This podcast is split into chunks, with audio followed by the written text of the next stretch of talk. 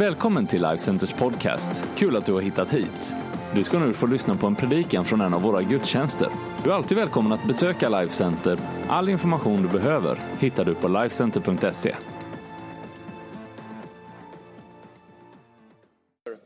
Nu tänkte jag predika för er. Är ni redo för det? Det är så gott. Musikerna, känner ni för att vara kvar eller vill ni? Nej, det är jag som är pastorn, säger Robban alltid. Man ställer en fråga så att man behöver inte få så mycket indikationer på det ena eller andra. Tack Robban för tjänstvilligheten. Vilket härligt lovsångsteam vi har. Jag är så glad för eh, det som är Life Center Worship, de här sångerna som har kommit fram och det vi sjunger nu tillsammans och det det också kommer att betyda de kommande, kommande åren när mer musik skapas. Jag började nu en serie för eh, två söndagar sedan om, om generositet och jag tänkte fortsätta Eh, på det temat idag. Och eh, jag vet att förra söndagen så visade vi en eh, undervisning av Robert Morris om tionde. Hoppas du hade förmånen att få lyssna till det.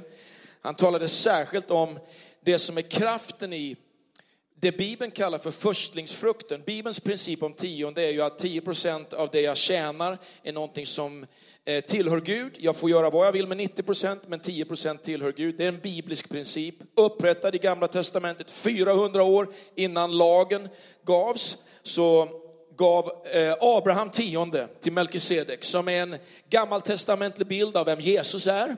Det är en princip som etableras bland Israels folk och som det nytestamentliga Israel, det folket som alltså eh, Jesus mötte och det som hans lärjungar mötte, eh, för dem var det naturligt för dem att praktisera den här principen. Så det är någonting som man tar för givet.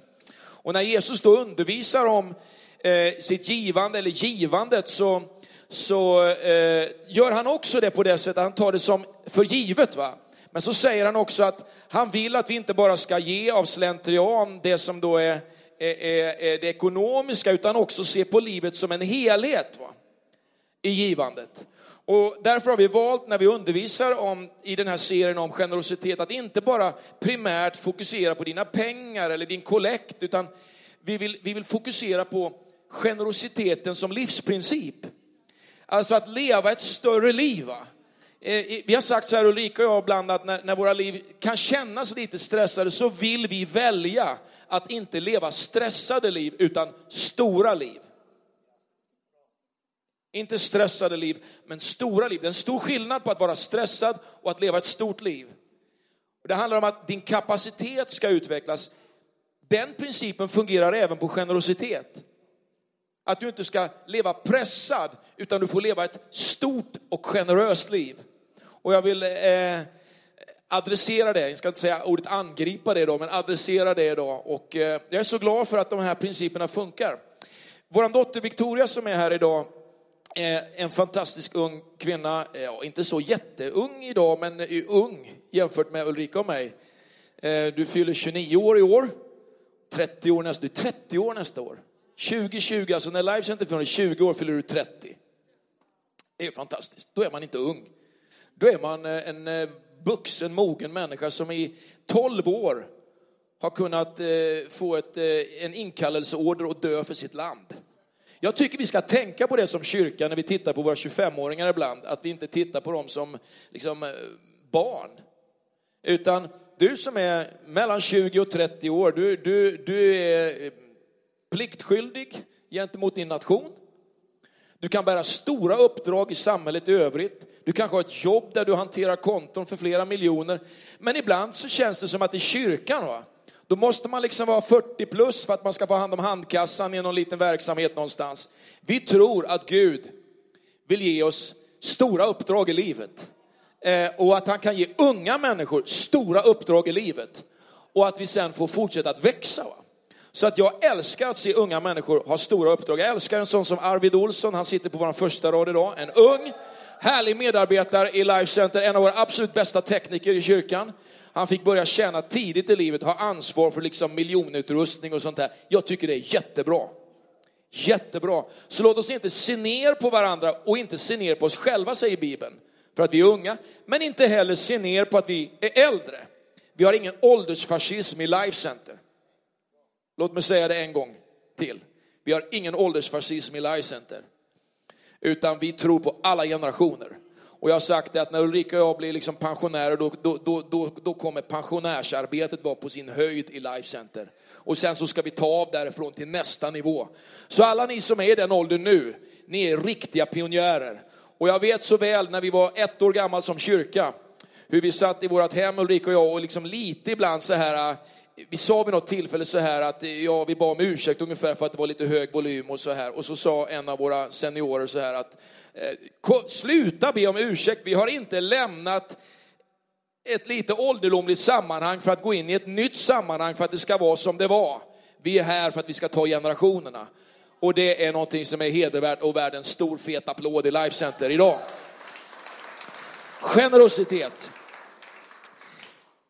Jag tänker eh, predika några härliga punkter idag och eh, då är det ju så här att eh, generositet för mig det är ett av de absolut viktigaste ämnena i Bibeln.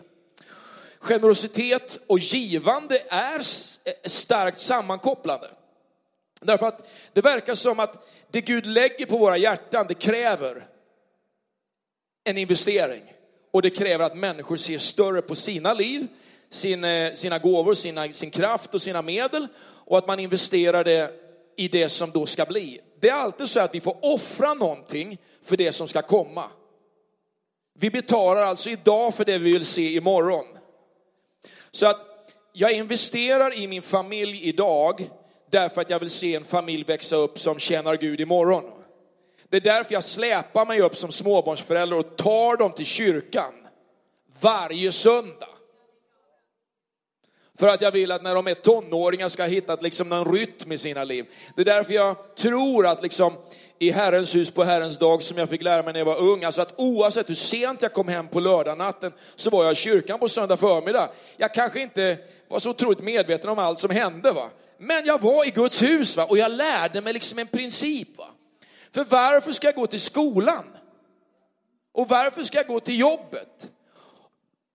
Om kyrkan ska vara liksom någon form av slappkultur. Va?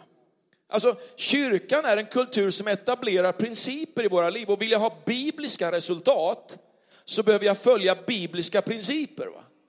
Det är en oerhört viktig sanning i våra liv att vill du ha ett resultat som är bibliskt, ett mirakel, under och tecken, välsignelser, då måste du följa de principer Bibeln ställer upp. För Bibeln, vet Gud han, han säger inte en sak och sen agerar han i motsats till det han säger, utan Gud och Guds ord och den heliga ande är alltid i linje med sig själv. Så vill jag ha liksom det som är frukten så måste jag ju vara med och göra sådden. Amen. Så vill du ha liksom ett bra äktenskap, ja men då måste du vara med och så det som då formar det. Vill du ha en eh, eh, bra tonåringar så måste du börja forma tidigt. va? Och det här kan ju gå lite stick i stäv med vårt samhälle ibland, men Bibeln är sann, det vi tror på, det är någonting vi är övertygade om och någonting vi inte skäms över. Vi lever för det, vi älskar det. Eh, hemligheterna bakom liksom det här det handlar väldigt mycket om det som läggs ner tidigt i livet. Jag växte upp, så jag förra gången jag predikade, om, om generositet i en väldigt generös familj. Eh, och jag berättar, nu har jag mina föräldrar här så det kan ju vara lite eh, konstigt ibland att säga så här, men jag tycker det är väldigt härligt att få uttrycka det. Alltså hela livssynen i min familj när jag växte upp var generös. Människor, resurser, pengar, eh, tillgångar, sommarstugor, båtar och ibland fick man ett tack för att man var generös mot människor och ibland så fick man en sönderkörd propeller på båtmotorn och någon hade glömt att säga att det var så. Det är en del av livet. Men generositeten är alltid liksom storhjärtad. Och eh, jag tror att det viktigaste i det jag lärde mig, det var att förstå att pengarna är inte min herre. Utan jag och det som är min tro på Gud måste vara herre över resurserna. Att jag inte liksom kommer i bakvattnet, utan jag måste bestämma mig för om det är pengarna och resurserna, tillgångarna som kontrollerar mig, eller om det är jag och det som är Guds syfte med mitt liv som kontrollerar det jag äger och har. Där bara har du en punkt redan från början som du behöver bestämma dig för om det är det som styr ditt liv eller om det är Gud som styr ditt liv. Amen. Det här handlar om att ditt liv ska få ta av. Och lever du idag under brist, kanske precis som Pernilla nämnde i sin i kollekttalet här idag, alltså att du lever under en svår situation, då är inte snålheten i ditt liv lösningen för din framtida tillgång, utan det är att du får bryta igenom och att Gud får hjälpa dig att se dig som du är i hans ögon. Alltså om du bara har råd med den där koppen kaffe, va? att gå och sätta dig på Steam Hotel i lobbyn där och tänka att en dag så kommer jag bjuda min familj på liksom eh, hotell och middag här och så börja placera dig i den miljön mentalt och andligt sett dit Gud vill föra dig. Och det är svårt ibland, men det går att förändra sitt liv och Gud vill hjälpa dig med det. Varför då denna inledning? Jo, vi ser det redan idag i våra liv. Vi ser det i ungdomsgrupper. Du kan märka det bland dina kompisar redan när du är 14 år. Vem som är generös och vem som håller tablettaskan för sig själv då som man eh, kanske upplevde när man var 6 år. Du ser det direkt i ungdomsgruppen idag.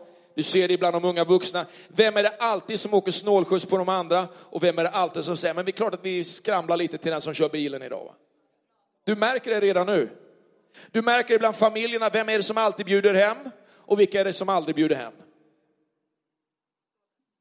Jag kommer nära idag, jag vet att jag kommer nära idag. Du märker det bland de som betalar för andra barns läger och du märker de som alltid kommer och ber om att få hjälp.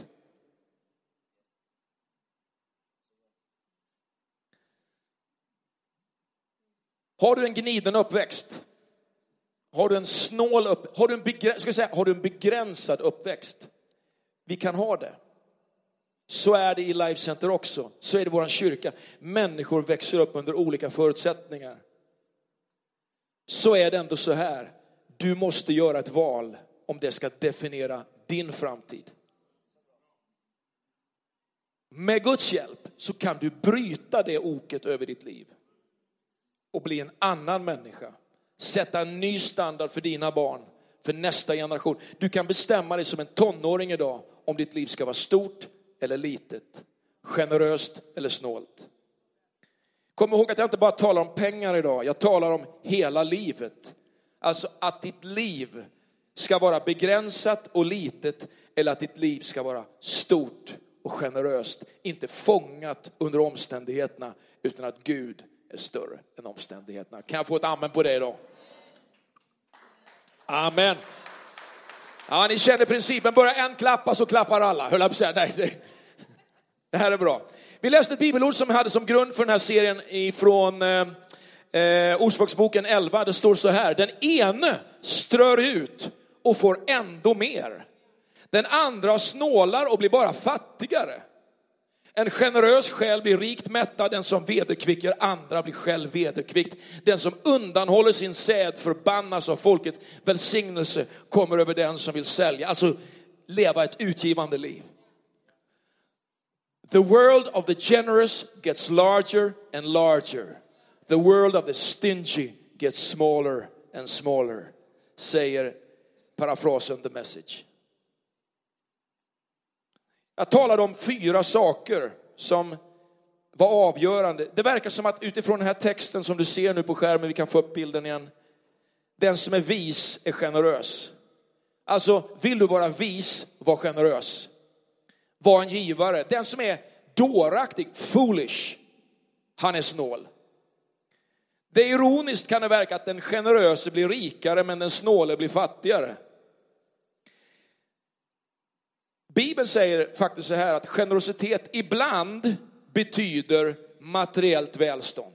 Alltså rik betyder ibland materiellt välstånd. Men lyssna nog, eh, att vara eh, rik betyder alltid andligt välstånd. Ibland betyder det att vara rik med materiella saker. Men det betyder alltid i biblisk mening att du är rik andligt sett när Bibeln talar om att vara rik och ha ett välstånd. Generösa människor söker vägar att hjälpa andra när de kan. Att välsigna andra och resultatet blir att de blir välsignade. Och de får ta emot välsignelse och att människor älskar att ge tillbaka till de som är givare. Därför att generositet föder generositet. Men lyssna ihåg, den som är dåraktig är självisk. Motsatsen funkar på samma sätt alltså att själviska människor vill bara hjälpa sig själv. Man vägrar att ge sin tid, sina talanger och sina tillgångar och investerar bara i sig själva, älskar att ta emot men gillar inte att ge. Och resultatet blir att man blir fattig, man gillar inte att ge till den som bara tar, därför att själviskhet föder själviskhet. Kommer ni ihåg hur Joje vittnade här för två veckor sedan om han hade haft problem med en disk och han hade eh, fått så ont i sin kropp han knappt kunde spela trummor så kom han fram och gav ett vittnesbörd om och så sa han, låt inte dina omständigheter, sa han, definiera ditt tjänande. Bestäm dig för att tjäna Gud. Och ibland behöver du bryta igenom det som är smärtan i ditt liv och tjäna Gud. Det är viktigt. Och Bibeln säger så här i andra Korinthierbrevets nionde kapitel att den som sår sparsamt får skörda sparsamt och den som sår rikligt får skörda rikligt. Gud älskar, läste vi, en glad givare. En glad givare. Att inte vara tveksam i sin generositet, utan få vara glad i sitt givande. Hallå vänner, det är glädje att ge. Och en kristen ska därför vara generös därför att Gud har gett oss någonting. Det var det fjärde jag talade om. Alltså, Gud ger oss generöst så att vi kan ge generöst. Få saker är mer tragiskt än en kristen som tagit emot så mycket av Gud, som håller tillbaka för sig själv. Det handlar om evangelium. Alltså, till exempel att du, du, du sitter i ett sammanhang när evangeliets kraft, berättelsen om Jesus kan förvandla en människas liv, men så håller du det för dig själv. Hur ska man kunna tro om ingen predikar? Men vi predikar och frälsning och evangeliets kraft, den förlöses när vi talar evangelium.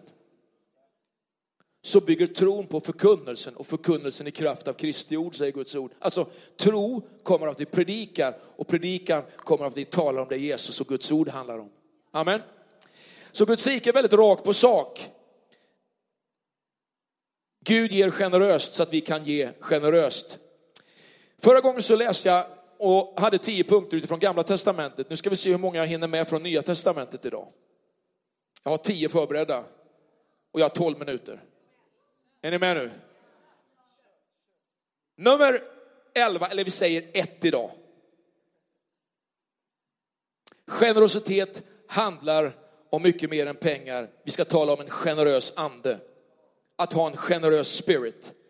Lukas 6, 37 står så här, döm inte så blir ni inte dömda, fördöm inte så blir ni inte fördömda, förlåt så blir ni förlåtna. Jesus ska ni få ett gott mått, packat, skakat, rågat ska ni få er famn. Och med det mått som ni mäter med ska det mätas uppåt er. Generositet är mer än handlingar.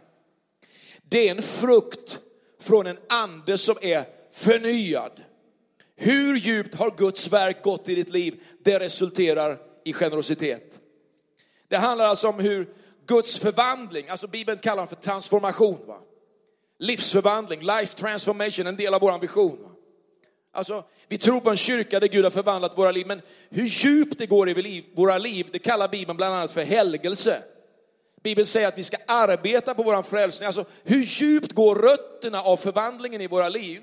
Om de går djupt så kommer de att resultera i generositet. Men är det grund i ditt liv så, så, så, så har inte generositeten tagit plats. Därför är det faktiskt så här att du behöver arbeta på din frälsning och se till att rötterna i Gud går djupt i ditt liv så att generositeten kan, kan liksom förlösas. Därför att generositet handlar om så mycket mer än pengar. Vet att hålla tillbaka en dömande attityd är generöst. Det är lätt, ja, döma människor, det är inte generöst. Håll tillbaka din dömande attityd, det är generositet. Att förlåta är att vara generös. Det rör nämligen, säger Guds ord, vid Guds sätt att se på oss. Alltså, när vi är generösa, när vi förlåter, när vi inte dömer, så berör det Guds hjärta. va? Och han ser, där vill jag ösa mina välsignelser.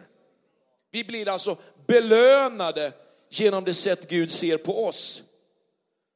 Generositet frigör välsignelser. Ge så ska ni få, stod det. Ett gott mått, packat, skakat, rågat. A good measure.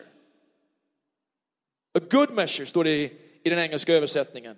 Pressed down, shaken together, running over. Jag har predikat här på engelska under förra veckan. Jag tycker det är så fantastiskt. Det står running over, står det. Inte bara liksom att det ska vara eh, rågat, vet, rågat är ju liksom när det liksom ligger lite på toppen. Va? Men running over, då ramlar det liksom ner va? runt omkring. När du mäter upp, hur mäter du upp? Kommer ni ihåg när vi var småbarn och så skulle vi hälla upp saften eller läsken i glaset och så, och så blev det lite mer det ena och den som var smart han sa, jag, jag drack han upp lite och nu är det lika. Millimeterrättvisa, kommer ni ihåg det? Man skulle ha millimeterrättvisa. Du, du två tabletter, två tabletter. Du får en, eh, en so och en viol. Eller vad heter det? var en tablett alltså, för en gång, en gång i tiden. Emser. Är det på öret du kräver tillbaka? Eller är, du generös, eller är det på öret du betalar tillbaka? Ett gott mått. Packat. Skakat. Rågat. Alltså hur lever du livet? Är det liksom, när du ger, är det liksom att det ska vara fluffigt? Så att liksom ni inte behöver stoppa i så mycket i måttet.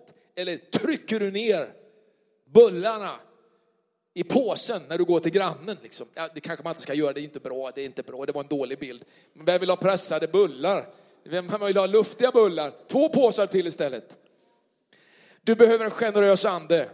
Det är någonting Guds ord talar om. Det andra jag tänker på det här, det är det här att Jesus han älskar generositet. Och du hörde det tidigare i bibelsammanhang från Lukas 21 när den fattiga änkan och lägger två kopparmynt och de rika de liksom ger av sitt överflöd och så säger Jesus direkt till sina lärjungar. Va? Att hon ger av sin fattigdom och de andra ger av sitt överflöd. Det verkar som att Jesus han vet vad vi ger. Det tycker jag är intressant. Och att sann generositet den kommer inte från mitt överflöd. Utan sann generositet, den kommer från ett hjärta som är villig att offra någonting. Det är det en sann generositet är. Va? Vad betyder det om man har ett jätteöverflöd och så skvätter man lite här? Alltså, vet en sann generositet kommer från hjärtat. Vet Jesus, han är ju begeistrad, han är ju totalt liksom, kolla här grabbar! De gjorde så och hon gjorde så. Jag vet inte vad Jesus säger om ditt eh, sätt att vara. Säger han, kolla här änglar. Kolla här. Kolla här. Sa Arvid Olsson tidigare. Då. Kolla här Arvid Olsson. Ah, vilken generös kille. Kolla här. Vilket sätt att vara. Wow, vi måste ösa lite extra över honom. Det är fantastiskt. Du vet, det är någonting helt underbart att förstå att Gud reagerar på vår generositet.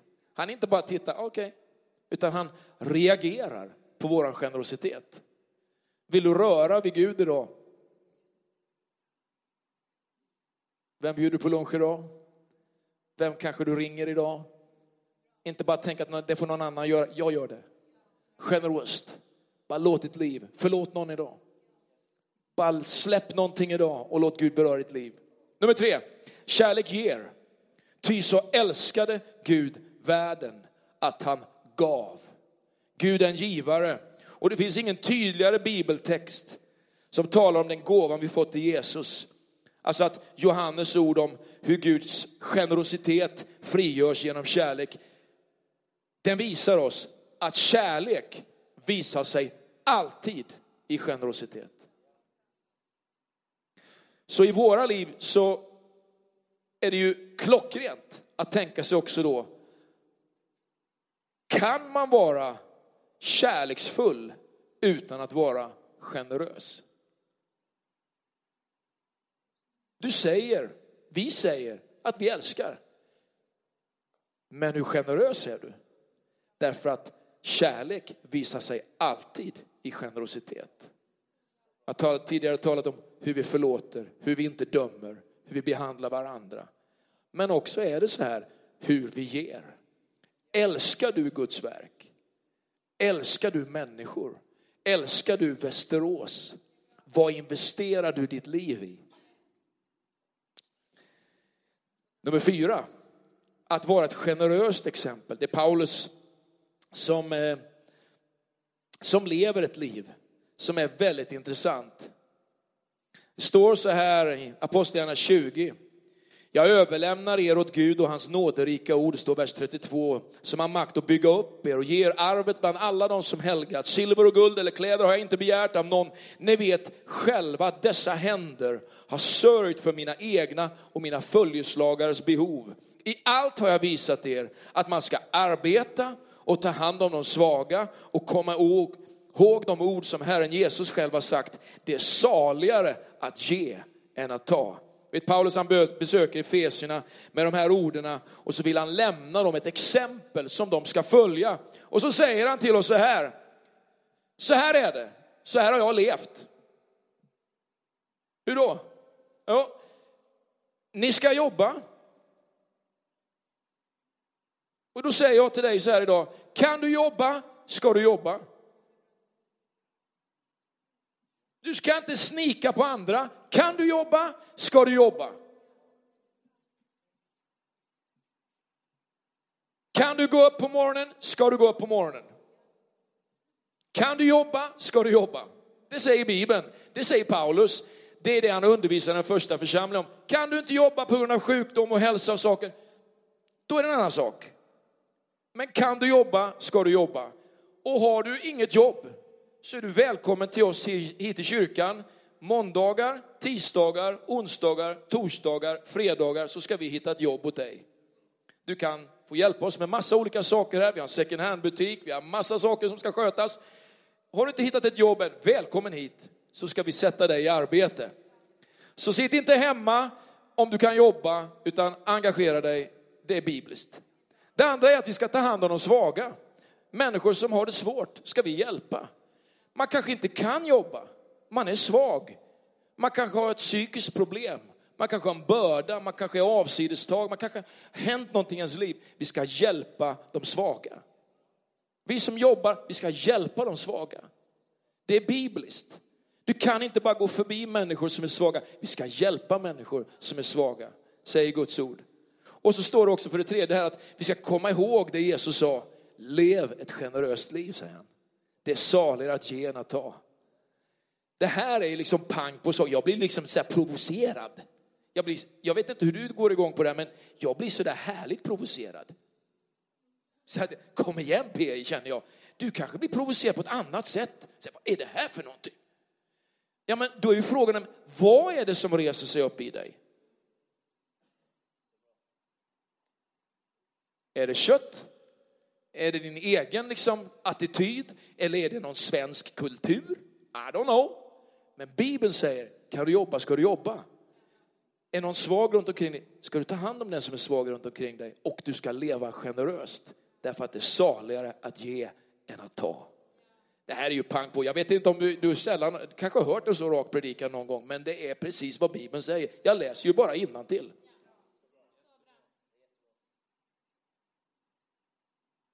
Nummer fem. Att ge ingen börda. Jag ska gå in för landning här, det går snabbt nu på slutet här. Finns den goda viljan, säger andra korintibrevet, är den välkommen med vad den har och bedöms inte efter vad den inte har. Alltså, det du har kan du vara med och använda, men det du inte har, det är, det är ingen som dömer dig för det du inte har. Det är ju jättebra. Så om jag har det här och du har det där, ja men då är det bara det vi har vi kan bedömas med våra liv efter. Och den som har mycket, han ska bli bedömas efter vad han gör med det som han har mycket. Och den som har lite, efter det han gör med det som är litet. Och att vara trogen i det lilla leder till mer. Men det är också så att Guds ord ser den människa som har mycket, om den inte använder det, så, så kan ju kranen stängas av. Därför att vi tror liksom att Guds ord talar om att han är alla goda gåvors givare. Att jag ytterst tjänar liksom därför att han har välsignat mig. Så att generositet är ju inte menat att vi ska leva med som en börda. Det står att vårt överflöd har avhjälpt andra människors brist. Inte för att liksom, det ska bara tas ifrån oss eller att några få ska leva i lyx, utan det handlar liksom om att, att vi ska kunna skapa en kultur där det blir lite, lite mera rättvist i att vi bär bördor liksom hos varandra. Va? Är du med på det här? Att ge ingen börda, det är en välsignelse. Kan vi få ett amen på det här? Jag vet att ni tar anteckningar idag här, så att liksom det här är ju, det är ju det, vi skapar kultur nu och värderingar i våra liv. Nummer sex, Gud vill inte regissera dig. Vad menar jag med det? Jo, det står att Gud älskar en glad givare i, i andra Korinthierbrevet 9. Alltså att vi ska ge med glädje. Men han vill inte att någon ska bara övertyga dig om att nu måste du ge, nu måste du ge, nu måste... Alltså det är väldigt tjatigt va. Och var generös, var generös. Det, det, det är ju jättejobbigt. Det finns många kyrkor som har försökt den modellen. Jag tror den är helt kass. Jag tror att man predikar vision. Jag tror att man predikar vad Gud vill att vi ska göra, vad han vill göra i den här staden, att människor ska bli frälsta. Och sen så har människor liksom ett eget ansvar att lyssna uppåt. Va? Och den heliga ande rör vid våra liv. Och rör Gud vid ditt liv, var generös. Och rör han inte vid ditt liv så säger jag, ah, okej, okay, det kanske är dags liksom att öppna dörren eller sätta igång telefonen och slå på den och så lyssna in lite och se vad Gud vill göra i ditt liv. Han vill inte att vi ska ge av ett tvång, han vill välsigna oss så att vi kan vara generösa. Nummer sju, det är också för att vi ska fullborda Kristi lag. I Galaterbrevet 6 så står det så här en väldigt viktig, ett väldigt viktigt bibelord. Bär varandras bördor så uppfyller ni Kristi lag. Vad är Kristi lag? Vad är den? Vad är det för lag? Jag vet att det är bibelstudier här idag. Vad är Kristi lag? Jo, i Lukas 10 står det så här i vers 27. Du ska älska Herren din Gud av hela ditt hjärta, av hela din själ och av hela din kraft och av hela ditt förstånd och din nästa som dig själv. Detta budet vilar liksom allt på. Varför är det viktigt? Jo, det innebär att när vi gör det, då fullbordar vi att bära varandras bördor. När vi gör det, då fullbordar vi det här budet att bära varandras bördor. Det är fantastiskt att få leva ett liv där vi får fullborda Kristi lag, att älska Gud. Liksom av allt det vi är, men också våra, våra nästa. Va? Så att vi får fullborda det som är Kristi lag i våra liv. Nummer åtta, följ Kristi exempel. Det står i första Johannes 2, från vers 5. Den som håller fast vid hans ord har Guds kärlek verkligen nått sitt mål. Så vet vi att vi är i honom. Alltså om du håller fast vid det Jesus har sagt, det Gud har sagt, så vet du att du är i honom. Den som säger sig förbli i honom är skyldig att leva som Jesus levde. Vad betyder det? Jo, Paulus han talar här om att vi, han säger i första Korinthierbrevet att vi kan undersöka om vi har tro. Du kan undersöka om du har tro, första Korinthierbrevet 13. Och ett viktigt sätt att undersöka om du har tro, det är att kolla om ditt liv har ett offer. Finns det tro i ditt liv? Ja, men finns det någon form av offer som du har gett i ditt liv någon gång? Då kan du se att du liknar Jesus. Alltså att om du har gett upp någonting för att följa Jesus, om du har gett upp någonting i ditt liv för att investera i Guds rike, då vet du också att du har lämnat någonting för att du ska få leva ett liv i tro. Till exempel om vi tar tiondet. Alltså att 90 procent med Guds välsignelse är mer än 100 procent i egen kraft. Va? Det, det, är klart att 100 kronor minus 10, det är ju 90 kronor. Och jag vet, jag har haft diskussioner med så många eh, genom åren att, ja men det fattar du väl, 90 kronor är mindre än 100. Och jag säger nej. Ja, men, är du helt korkad? Kan du inte matte? eller? Ja, men 90 är ju mindre än 100. Ja, men jag säger 90 med Gud, va? det är ju liksom plus, plus, plus i ekvationen. Va? På något märkligt sätt va? så är det som att det jag gör där, det tillhör ju Gud och en del ser det som ett offer. Jag ser det kanske inte som ett offer egentligen, utan jag bara betalar det som tillhör honom. Men, men det kräver ett liv av tro. Att börja göra den vandringen. Vet, när man lever som en Jesus-lärjunge så finns det liksom en process som en lärjunge. Vad är det första steget i processen? Ja, det är att du bestämmer dig för att följa Jesus och bli frälst. Beslut kallar vi det för. Jag kommer om en stund göra en inbjudan där du får bestämma dig om du vill följa Jesus och ta emot det Jesus gör för dig. Kanske får räcka din hand och jag ska be en bön för ett beslut. En del tar det tio gånger i livet, men det viktigaste är att du kommer fram till ett fullt beslut att Jesus är nummer ett i ditt liv. Att du behöver honom och utan honom är du förlorad. Beslut nummer ett. Nummer två, att du låter döpa dig, säger Bibeln. Ett dop i vatten. Att du får uppleva ett dop i helig ande. Det är lärjungaskapets vandring. Vad är lärjungaskap? Beslut. Låt döpa dig. Upplev dopet i den heliga andes kraft. Och så kommer det tredje, det är disciplinen. Vad betyder det? Läs din bibel. Ge tionde. Be. Upplev liksom vad fasta är. Det är disciplinerna va. Men allting bygger på ett beslut att följa Jesus. Ett beslut att dö bort ifrån mitt gamla liv och följa honom. Och sen får jag börja det kristna livets vandring. Och där är bland annat ett liv i tro genom att få ge av dig själv. Jag ska stanna i min predikan här, avsluta här. Det här är ett tillfälle för dig att bestämma dig för att leva ett stort och generöst liv. Låt Gud bara få välsigna dig och ösa över ditt liv. Expandera ditt tänkande. Tänk idag, vad ska Gud göra nästa vecka för mig? Hur kan jag välsigna någon? Hur kan jag förlåta någon? Hur kan jag upprätta någon? Hur kan jag ge mer än vad jag någonsin har gett? Hur kan jag bestämma mig för att faktiskt räkna med Gud på ett helt annat sätt än vad jag gjort tidigare? Det är ett generöst liv. Ska vi ställa oss upp allesammans?